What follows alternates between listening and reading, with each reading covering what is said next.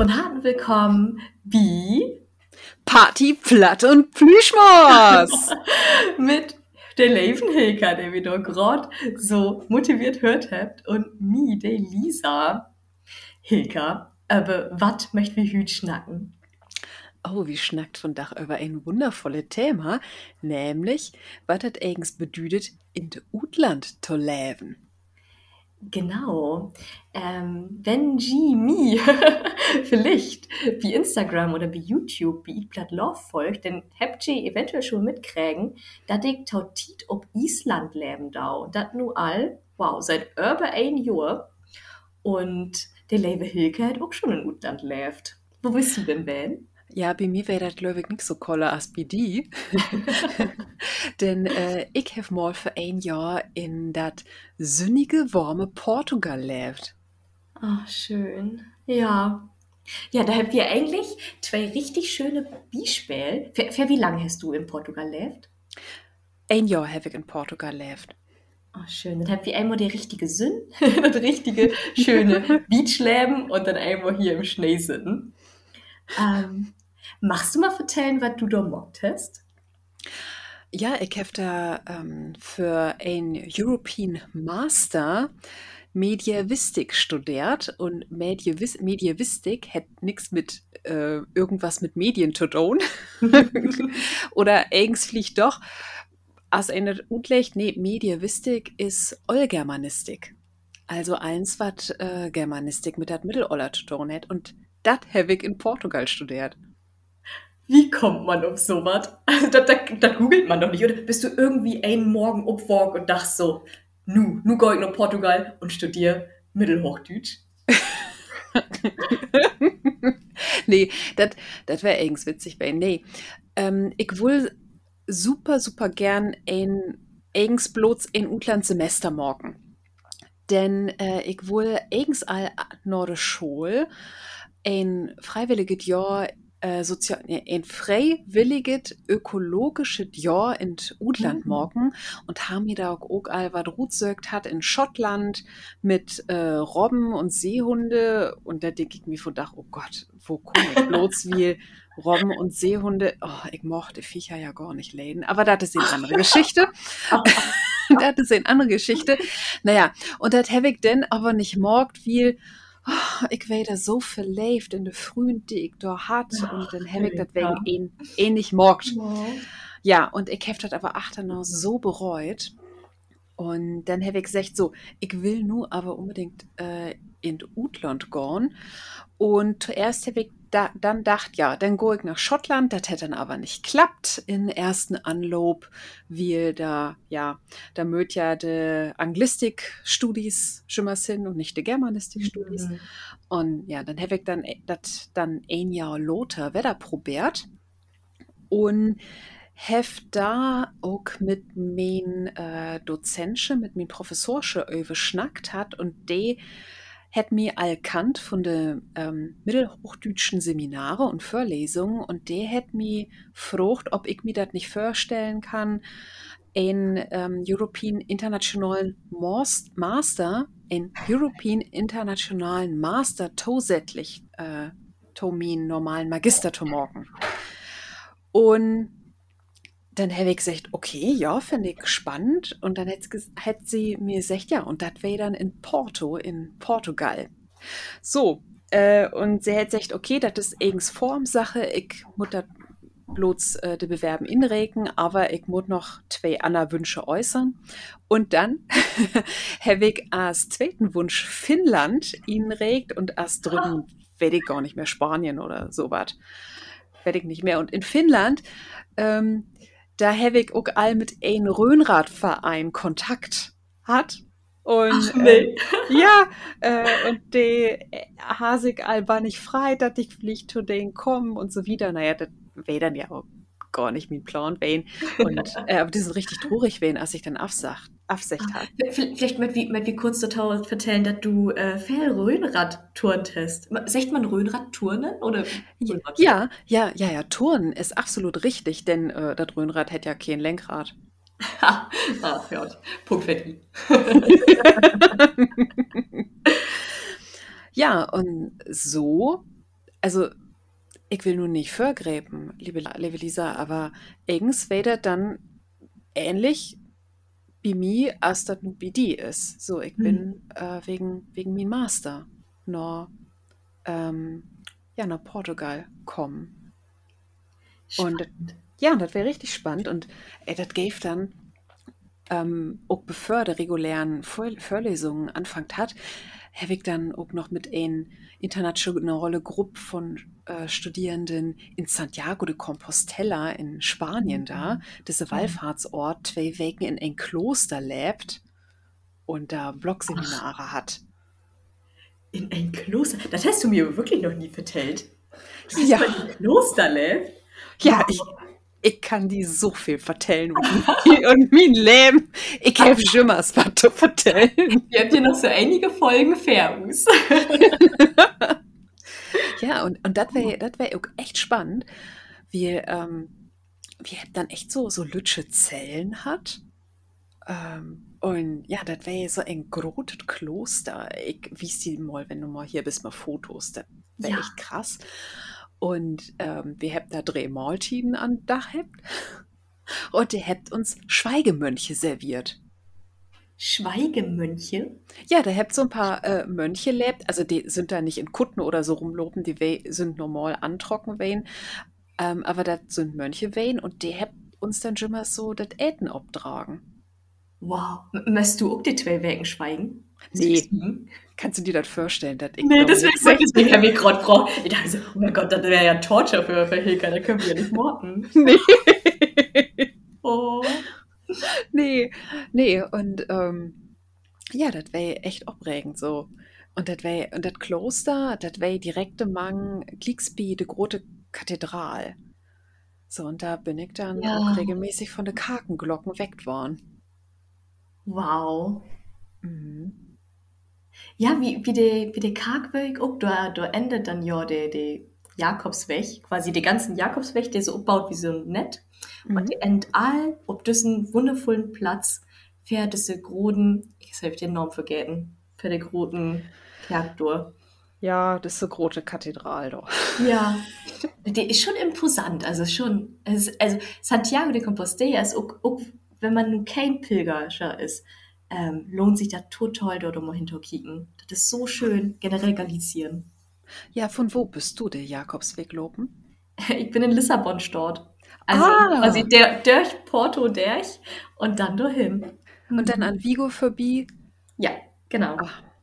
Und ich hätte die Atlantikküste und dann bin ich ganz Galicien hochlopen und ja, da, da bin ich bannig natt worden, weil das in Galicien, das, das, das vertellt mir jed ein, der auch schon in Galicien wäre. In Galicien regnet das immer. Und ich dachte mir so, ja, als ich dann da lang stappt bin und mir, der Regen, der läuft dann so schön zwischen den Rucksack und dem Rücken Mm. so runter und das war alles natt und du denkst nur so, mm, so habe ich mir das hier aber nicht verstellt. Ich drehe jetzt um und Gott durch in Porto, nach Portugal, da bestimmt das wir wesentlich bäde. Ja, ja, das ist echt so. Äh, Galicien ist der Pinkelpott von Europa. Pinkelpott? Ja, ja. Da,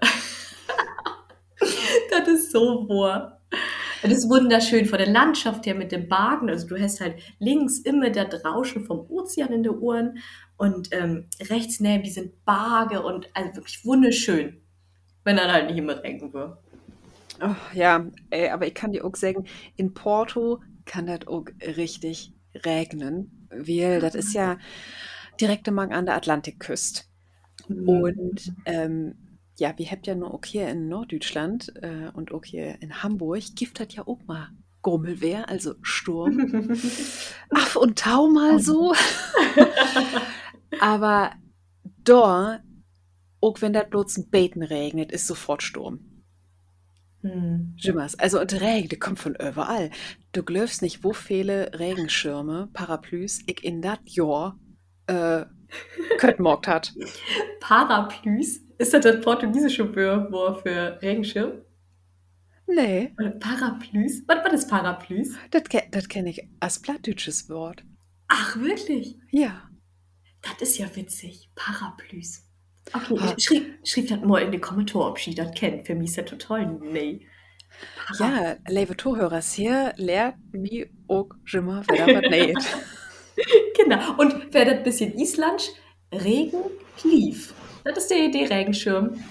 So als die Regenhelp, Regen, lief. Das ist der Regenschirm auf Island. Ach, wundervoll. Hm. Wundervoll. Geil. Nauchlehrt. Vertell wieder von dem Leben in Portugal, bitte, Hilka. Ach, du, ich glaube, ähm, was du Lü in Porto, also ich habe ja in Porto dann studiert, an der Facultade de Letras. äh, was du Lü ähm, da vielleicht auch mit der mit der Lü ob Island ähm, zu hopen habt, das ist, dass die super, super viel Fleisch und Fisch ät. Ja. Oh ja. Also vegetarisch oder gar vegan eten, das wäre damals fast unmöglich. Also, Ja. Ja. Ich habe ja nur in beiden Ländern schon lebt, also in Portugal und in Island. Und das ist. Auf Island kann ich das noch verstauen. Du hast hier halt nicht viel, hier was nicht viel. Und wenn du dann nur Schorb und Fisch hast, dann entwickelt sich hier auch die ganze Tradition so um Schorb und Fisch und vielleicht ein Bäten. Ja, Adappels was hier. Oder so ganz, ganz Bäten. Und die, die Summe hier ist einfach taukott, um richtig, richtig viel anzubauen. Ja Gott, in Portugal hast du halt die Küste, liegst, liegst du neben.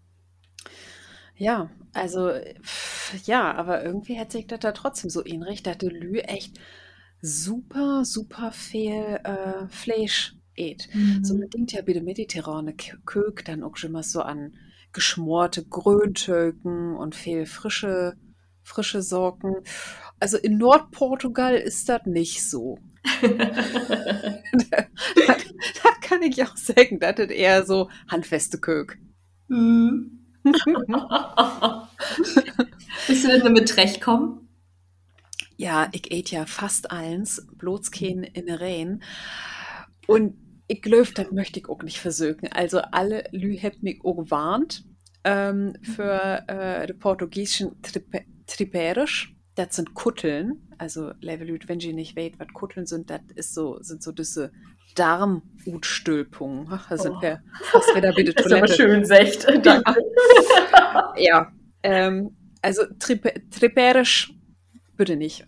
Aber mir ist das einmal passiert. Ich habe mit drei portugiesischen Derns zusammen gewohnt. Und äh, mit meinen liebsten Mitbewohnern, mit der habe ich auch jemals noch Kontakt. Oh. Der und er, äh, damaligen Freund, die hat gesagt, oh, wie wollt ihr von doch mal was richtig typisch portugiesisches Köken? Und ich so, oh ja, super, was frage ich mir ob. So. Und dann habt ihr den hellen Tag so eine Kökstunde, ich glaube drei Stunden oder so was. Und das weh, ach, da, das regt also gut. Und dann habe ich gefragt, oh, was giftet denn? Ja, ähm, das Gift Hohn. Ich so, oh, ja, Mhm. super, okay. So, und dann haben wir uns dann da so an Tisch set, schon Abendbrot und der hat mir obdown und dann denke ich, oh, das ist aber ein komischer Ton. Oh. Und ich denke, mhm, nimm das so oben in Gabel, Hm. Bring das noch min Gatt hin und dann denke ich so, oh, oh. Und ich hab mir das fast gedacht, als ich mir die Dele da ankickt hat. Das sind Hühnermagenpförtner Wein. Also die Rosette, und das hätte echt gut sehen, als die Rosette, Oh. Ähm, der eben so, diese Schließmuskel, dieses Schlotmuskel, der oben an Morgen an ist, dass die Magensäure nicht so in den Hals nach oben kriecht. oh, shit. Und ich hab, ich hab fast göbelt. Oh, dann glaube ich. Aber du könntest die durchholen. Ja, ich, ich, hef, ich hef diese Dele dann mit viel, viel Reis todeckt, damit ich die runterkriegt hat. Und, und die zwei, die haben mir so ankickt und hat gesagt, oh, ja, die Biersoße, der ist ein Beten scharf für die, ne? Und ich so, ja! Ja, Oh, nee. Oh. Da habe ich überhaupt noch gar nicht gehört. Weil da nur die Teile von den Morgen, von diese, diese Schließmuskel vom Morgen. Ja, und du, das? ja, und du glaubst nicht, die sind echt also für so ein Huhn ist ja nur nicht so ein große der, aber die sind erstaunlich groß. Oh, shit. Und dann noch. Oh. Das, also, ich bin gar nicht stolz auf die, dass du dann doch echt trocken hast und Äten hast. Wow. Ja, ja, das ist Frühenschaft, du. Ja, wirklich. Wahre Lave. ja, also, äh, das wäre auch echt Harre. Ähm, ich glaube, das wäre so ein von der harresten Momenten in der Tele. das sind Abnehmen. Oder die. Prägen. Und du musst dann so gefasst holen. Ja. Um, um Audio. ja. Ähm, aber ich muss auch sagen, so für mich, ähm, also auch so, so ein diese Entscheiden wegzugehen für ein Jahr, das wäre gar nicht so lieb für mich dann äh, mhm. an Schlutt. Das morgen, also die hele Flucht da runter habe ich bloß flend. Oh. Ja, und dann habe ich die ersten zwei Wochen echt ein schiedige Tiet hat, weil das wäre so unklar mit äh, min Unterkunft. Erst habe ich drei Nächte in NWG schlopen und das wäre richtig kacke. Und dann habe mhm. ich drei oder vier Nächte, werde ich nicht mehr genau in ein Studentenwohnheim lebt und das wäre auch bloß die Hölle. Und mhm. dann habe ich über einen Bekannte, die ich dort kennenlernt hat, dann min WG gefunden. Und dann, und das hätte aber so eins in allen so zwei Wegen dauert und ich wäre echt in diese zwei Wegen mit den Nerven fast an N. Oh, ja. Oh, das wäre richtig, richtig schrecklich. Und dann habe ich aber mein WG gefunden und dann wäre ich so richtig so, so. Slimmer kann das nun gar nicht mehr werden. Nun geiler war ich ob. Ich da ja noch nicht gewusst, dass die Hühner morgen Pförtner noch um die Töft haben. ja, das Leben hätte sich also die Hände reiben und das ist so, na, töf mal ab, Hilke. ja, ähm, aber für mich wäre das echt so, okay, das wäre nur richtig kacke, aber nur kann das so wieder gehen und dann wäre das auch eins gut, ne? Dann habe ich die WG hat und super und äh, super Menschen kennenlernt und dann hab wie achtete zwei Wochen, als ich da äh, dann von Santiago zurückgekommen bin, in Lütsches Watte Katte hat so ein Kattenbaby. Oh, oh der war so richtig süß. Und ähm, so bin ich dann auch, muss ich sagen, echt bannig zufrieden, dann über das ganz, durch das hele Jahr so durchkommen. Mhm. Also, ja, das gibt ja oft, das gibt ja Folgen, das will ich noch vertellen, das gibt ja Folgen so, ähm, wenn Lüder nur das Utland Guide äh, interessiert mir auch nichts, wo das wie die ist, so achter so drei, vier Monde sind die Lüdern so, okay, nur habe ich eins belebt, was schall da nu kommen. Mhm. Bei mir wäre dann aber gar nicht so, weil ähm, ich will bloß blieb, dass ich ein WG habe oh. nette Lü. Ja, ja. Das wäre nicht liegt. Ähm, aber das Jahr insgesamt, das wäre klasse. Schön. Wo, wo war das mit der Sprache? Also, wo bist du? Da, habt ihr, da sind ja auch Fälle bang vor, habt Hemmung mit der Sprache und sie lernt keine Menschen kennen. Äh, wo das wie die auch, äh, vielleicht direkt am Anfang? Ähm, ich habe ein halbes Jahr vorher all einen portugiesisch Kurs gemacht, hm. wie ähm, in der Uni. Das wäre aber brasilianisches Portugiesisch, was einen Bete verstehen kann, als das, was die da in Norden von Portugal mhm. schnackt. Ich, also, ich habe also ich habe da echt Probleme, hatte Lüte verstehen. Kannst du die so verstehen, du lehrst Hochdeutsch und dann kommst du nach Bayern. Ja, ja. Also das wäre echt Haare. Ähm, aber der Spruch wäre gar nicht so das Problem. Denn, ähm, also, ich habe ja nur ob Deutsch studiert. Stimmt. ich nur Porto, um Deutsch studieren. Ja, ich habe ob Deutsch studiert. Ähm, mit meinen liebste Mitbewohner, okay, ähm, mit der habe ich bloß Englisch schnackt, weil wir sind super fix bannig Norwein. Und mhm. das hätte nicht mehr klappt, ob äh, Portugiesische umzustellen. Aber mit meinen zweiten Mitbewohner, mit der ich dann ähm, achter ein paar Monde bloß noch Portugiesisch schnackt. Oh. Und naja, und dann ähm, in der Erasmus Community, klar, da schnackst du dann Englisch. Ja. Aber, aber ähm, wenn ich da mit äh, Portugiesen kommuniziert habe, habe ich echt ähm, Portugiesisch schnackt. Und der hebt sich schon mal so freit, wenn ihn dann äh, eben auch äh, schnackt hat. Und okay, ich hab nur super, super, super viel wieder vergeten, aber ich glaube, achte das Jahr weg irgend so heel gut. Mhm. Und du kommst da auch rein. Ähm, aber ja, man muss echt versöken. Und du weißt das ja auch selbst, ähm, mit Muttersprachlern, Ja, also zusammenzukommen. ja, total. Ähm, als, als bald du in den Erasmus-Bubble in Sitten blieben deist, war das schwur. Ja, also, das ist bei dir auch ein äh, Beleven, was du hast, oder? Ja, ja. Ähm, also hier, das ist generell mit Island ganz schwur, weil der isländischen Sylm, ob er einen sieht, ähm, weil die Sylm, das sind nur, sag ich nur 350.000 Menschen, die das schnackt, ähm, die sind einfach auf Englisch anwesend und die, die geht auch nicht davon ut, dass ein Island schnackt oder lernen möchte. Deswegen wesselt der einfach super fix auf Englisch. Und dann, ob er anderen sieht, ist das auch, dass der das Glückwig nicht möchte, ähm, als bald du noch nicht perfekt Island schnacken da ist. Also, die, habt, die sind da sehr, sehr stolz auf ihr Sprach und hört das dann nicht so gern. Ähm, ja, Ah. die du ein aufbringen da ist. Aber ich muss, ich muss total sagen, das ist mir egal. ich möchte das ja lernen. Also, trecke ich das der, auch wenn das dann eine Mischen und Englisch und Isländisch ist. Aber da bin ich halt egoistisch und denke mir so, ja, aber ich muss das üben. und dann muss der Kassierer halt mit mir äh, Island schnacken. Und wo hast du die dann, aber was mich nur interessiert, ich habe ja auch äh, nur vertellt, wo der bei mir weh mit, mit äh, das Wohnen, wo hast du die denn organisiert, als du ankommen bist? Ja, ähm, bei ich hatte das Glück, dass ich ähm, glicks, als ich den Praktikumsplatz, also ich bin für, äh, erstmal für ein Erasmus Plus Praktikum nur Island gegangen und noch gar nicht so mit dem Hintergedanken eigentlich hier studieren. Ich wollte erstmal nur ein Praktikum machen und das gut finden, wo das eigentlich so ist, ob Island tau leben.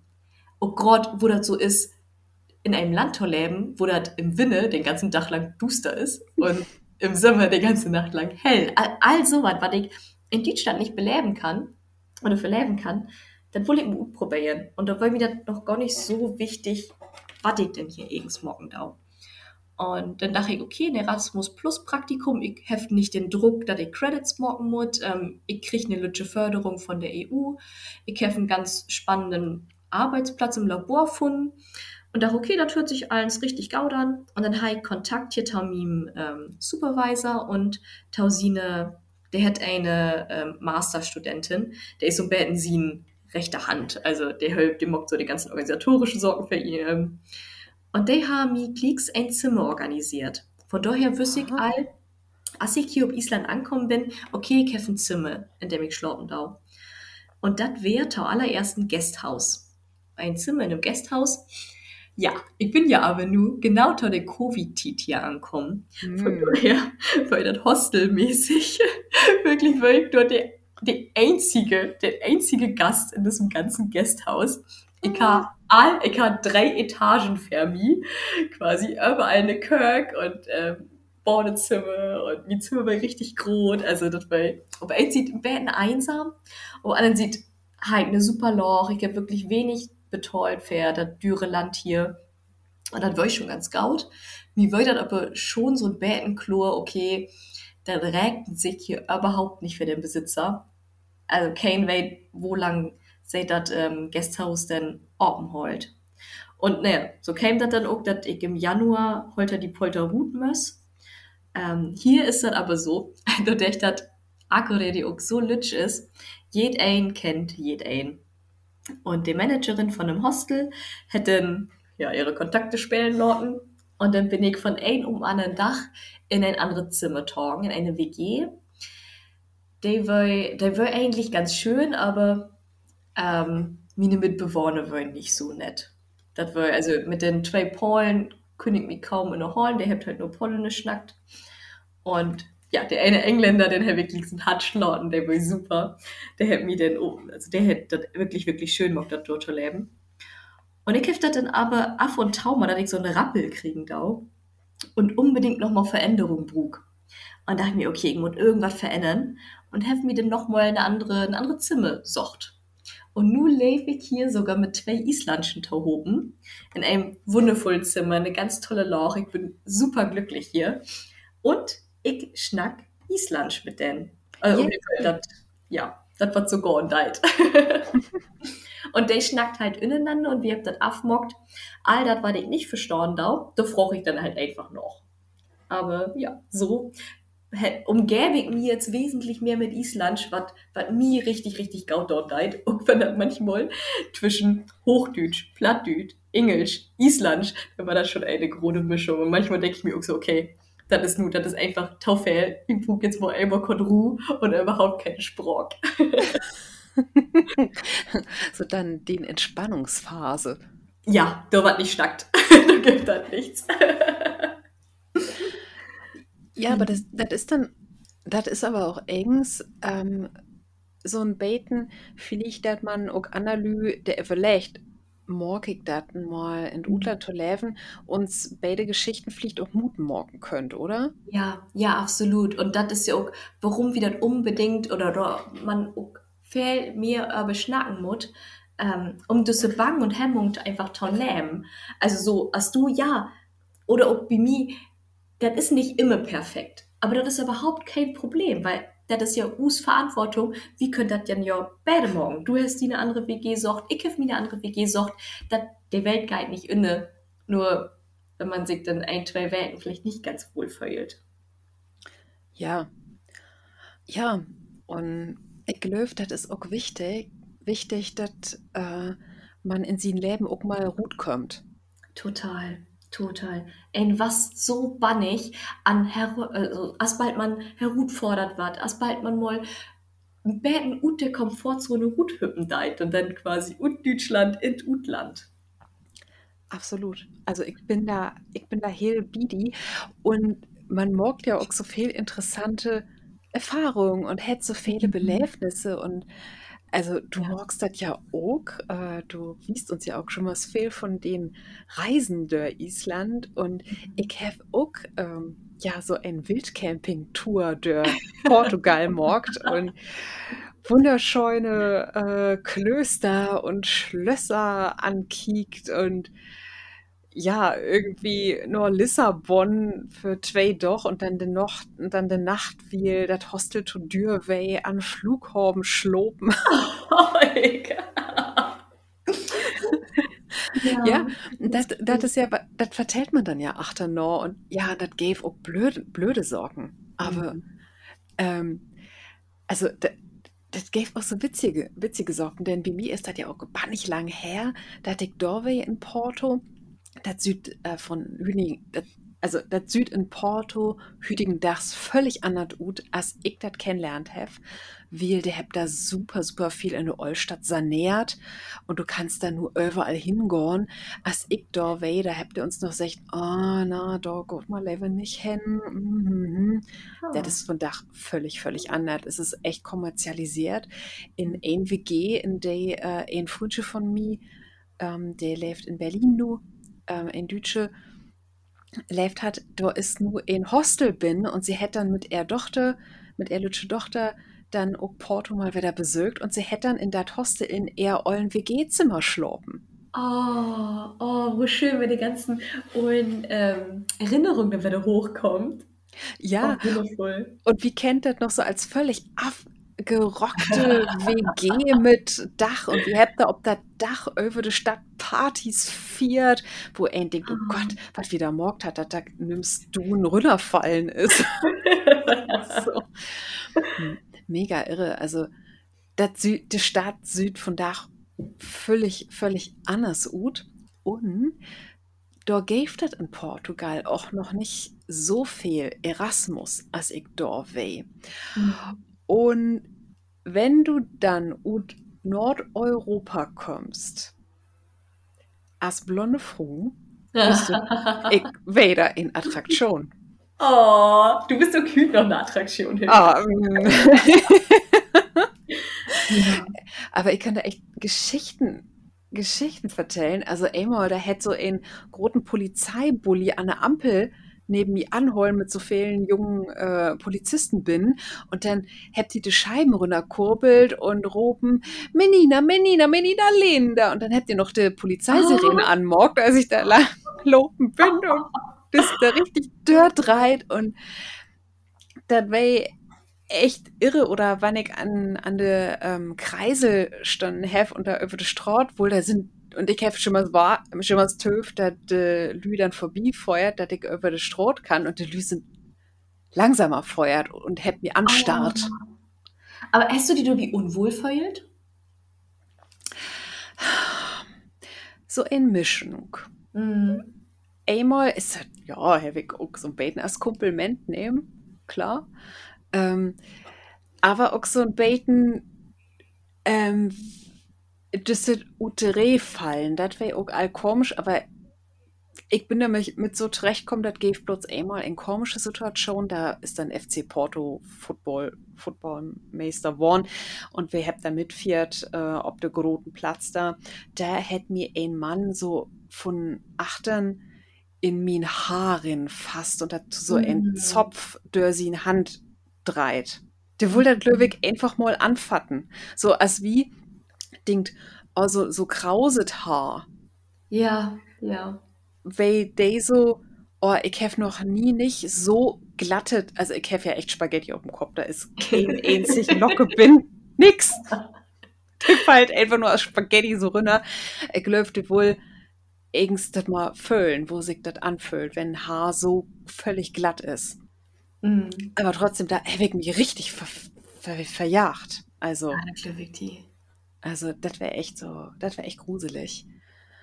Ähm, ja, also äh, Invader, also die Lü, für die Lü wäre das normaler, äh, dass dann eben Schwattelü oder ehemaligen afrikanischen Kolonie da durch die Stadt lopen sind und durch Lissabon, Lissabon sowieso als Nordeuropäer Mhm. Also Invader echt richtig exotisch. Boah. Und äh, Porto wäre ja nun auch nicht so der Touristenmagnet. Die Lü sind ja schon mal bloß nach Lissabon oder an der Algarve feuert. Ja, so short eigentlich wie Porto. Wir haben das noch gar nicht gesagt, aber Porto liegt so wundervoll einmal an den Bach und dann auch direkt am Strand. Bist du hm. wer am Strand, Van? Ja, na klar. Ja, na klar. Du hast doch studiert am Strand. So, als man sich dann immer fernnehmen deit. Ja, ja, ich nehme die Sorgen mit am Strand und dann leer ich durch. Mhm. Spoiler, klappt nie. Ja, das klappt nie. Besonders wenn dann die Caipirinha bloß 2 Euro kostet. Ach nee, mhm. was? Ja, das ist so ein Beten diffizil. ich wollte die nämlich gerade fragen, ähm, ob die Porto oder ob die quasi den Openhalt in in Porto und in Portugal, ob die dann irgendwie verändert hätte. Also bist du Alkoholiker geworden? Für 2 Euro Caipirinha. oh, Alkoholiker bin ich nicht geworden, aber ich habe dort ähm, Reddich ähm, das Wien trinken lehrt, wie vorher habe ich echt mm. kein Wien mocht. Ähm, ist ja auch, also von Dach kann ich mir eine gute Flasche, eine gute Buddel Wien, kann, das kann ich betollen. Aber als Studentin kannst du dir das nicht leisten. Mhm. Und da habt ihr auch guten Wien für wenig Geld hat. Und da habe ich dort Wien trinken lehrt und das Kaffee trinken habe ich dort lehrt, weil ich habe vorher auch keinen Kaffee getrunken. Aber der Kaffee, der war doch so aromatisch. Und da habe ich dann, äh, ich muss dann in der Cafeteria sitzen, in der Fakultät und dann Kaffee trunken. Oh. Ja, also das habe ich, das habe ich da lehrt und naja, und wenn Lü ihn dann, ihn dann da besöken kommt, der wollte dann ja dann noch immer noch der Portweinkeller hin und das galt besonders gut Sonntagvormittag und dann das ist der Geheimtipp, okay. Ja, dann kommst du da irgendwie Glock 11 oder so was gut und den zweiten oder dritte Keller und dann denkst, oh, ich glaube, muss ich erstmal was eten. Aha. ja, ähm, scheuen sind die Studentin. Und ähm, aber um das konkrete Morgen, hätt, was hätte mich verändert? Ich bin ähm, Opener geworden. Wir, mhm. ich glaube von mir, ich bin all ein Stage-Kid, aber ich habe schon mal früher Probleme hat Menschen, die ich so super nett gefunden habe, anzusprechen. Mhm. Habe ich echt ein Problem mit hat. Weil ich habe schon mal gesagt, oh, was denkt die vielleicht über mir? Dann findet ihr mich doof oder so. Mhm. Dann lot ich das Lever und Töf, ob der mir fliegt, anschnackt. Das ist, ja- das ist ja super blöd. Ähm, also, Ja. ich, ich, Ihr könnt ja nicht in die Kopf kriegen. ja, und das ist so, so ein Wedespr so ein dass ich immer eben so, so extrovertiert wei, aber so lüde ich richtig nett von have, mich nicht tot have, ja, der anzuschnacken. Und da habe ich das dann aber morg morgt. Weil das ging ja nicht anders. Ja, ja, genau. Ja. Und das hat mich verändert und das habe ich mir auch behollen. So, das sind ein, oh ja, ich nehme so mit, äh, ich lade eins und beten langsamer und geruhsamer angehen. Ja, Quatsch. Ach, da halbe geht ja aus, das auch wieder vorbei. Dann steigst du doch wieder an rohen Ampeln. ja, aber ähm, das ist, ähm, dass ich ähm, mit tro Menschen anzuschnacken, das habe ich mir echt behollen, weil ich denke mir von da, ey, 80 Prozent ob de Lü sind nett und finden mich auch nett und wenn die mich nicht nett finden, dann sind die auch nicht nett. Ja, dann brauchst du das auch nicht. Ja. Wie man- Oder ein, ein muss nicht everybody ein Starling werden. Richtig. Richtig. Aber äh, hast du für die denn schon einen Druck, ob du was, wenn du wieder zurückkommst oder Island, was du dir an Beläven für den Charakter oder so mitnimmst? Ja, ich bin auf jeden Fall mutiger geworden und maudiger. Total halt auch, ähm, wenn ich so nachdenke, na, was wir hier nur für Roadtrips gemacht haben, was für Wehe, das wirklich, in Island will die nur das Wehe umbringen. ähm, ich, sehe nicht Gaut aber ich bin, ich bin da echt maudig geworden, Dinge echt zu tracken, aber auch zum Beispiel, ähm, selbstständiger bin ich geworden und habe einfach viel mehr verdrun in mi Sülm und in das Leben. Also, das Leben ist für mi. Ähm, und ich weiß einfach, dass das gaut wird. Ich weiß, auch wenn ich noch nicht weiß, warum das Leben das eng so für mich plant hat und das fair hat. Also, ich habe da einfach einen David vertrauen, verdrun, ähm, dass das gaut wird. Und das lot, lot mir auch viel, viel intensiver leben. Ich finde das so, so spannend. Ich habe ich nur mir ein Rückflugticket gebaut und weiß, okay, der Tiet in Island, der wird nur bald vorbei werden. Ähm, und gerade, wenn man da so ein Datum hat, so eine Deadline, dann irgendwie fühlt sich das Leben für mich nun noch viel, viel intensiver an. Was so wundervoll ist, weil dann mag das werde so richtig süchtig nur leben. Das ist so, das hört sich jetzt vielleicht ein Betten, ähm, Betten komisch an, aber ich glaube, jeder ein, der da immer verlebt hat, der, der wirklich eine Deadline hat und dann Tschüss, was sagt, hat sich verabschiedet hat, der, der was das kennt, das ist Gefühl von, okay, jetzt nehme das noch mit und ich möchte das noch mal morgen. Und für mich ist das zum Beispiel, das sind so Lütsche Sorgen, wie morgens im Pool taugon hier in den Hotpot. Mm. Ähm, einfach weil ich weiß, okay, wenn ich dann wieder in Deutschland bin, dann mag ich das sicher nicht mehr. Also mag ich das nur noch einmal öfter. Ach, das ist doch großartig. Du, und äh, nimmst weit, was vielleicht noch passiert, wenn du zurückkommst. Denn ich kann noch mal, bevor wir zu uns letzte Kategorie kommen, Ja. ein, ein, noch mal eine Geschichte erzählen, was mir achte noch, Nordat Jahr in Portugal passiert ist. Ja. Da bin ich nämlich äh, noch mein oldste Frühnsche feuert, der da in Osnabrück studiert. Und wir sind noch in Erasmus Orventin, weil ein Frühsche von er und äh, Lyon hat Erasmus in Osnabrück gemacht und dann hab wir gesagt, ja, dann kommt wieder dazu und äh, sind dann wieder Orven dabei. So. Und dann wäre das so, äh, ja, und nun mischt sich mal der Tische alles ein bisschen beten dör, so zum Kennenlernen und dann bin ich an einen Tisch gekommen und hab mir so vorgestellt und dann sagt der einzige fucking Portugiese in der hele, in der hele Runde, ja, ich kenn die. Ich so, äh?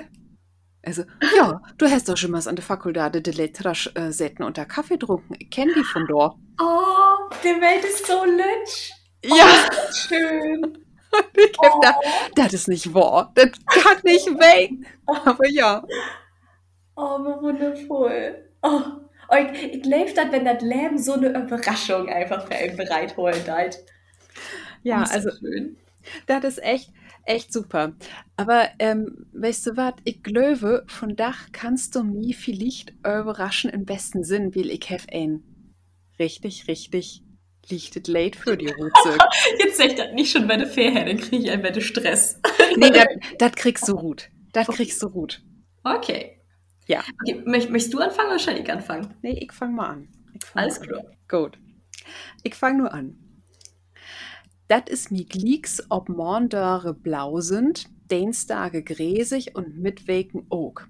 Dünnerstag, du bist mir egal.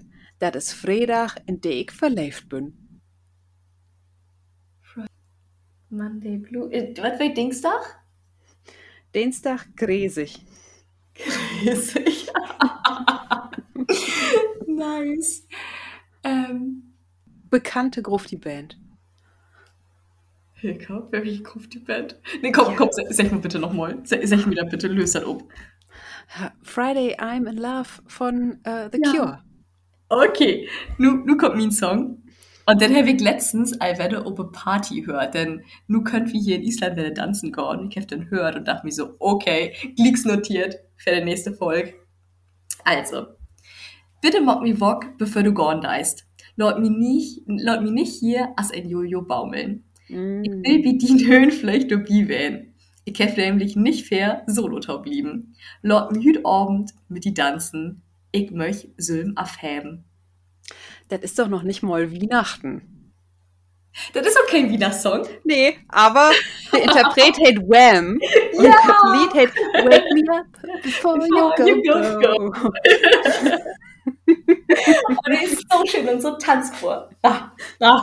Monique liegst erst mal hören. Ja, kann für Gleeks tanzen, also so ein Jojo, up und doll, up und doll. Wake me up before you go, go, don't leave me hanging, uh, Jojo.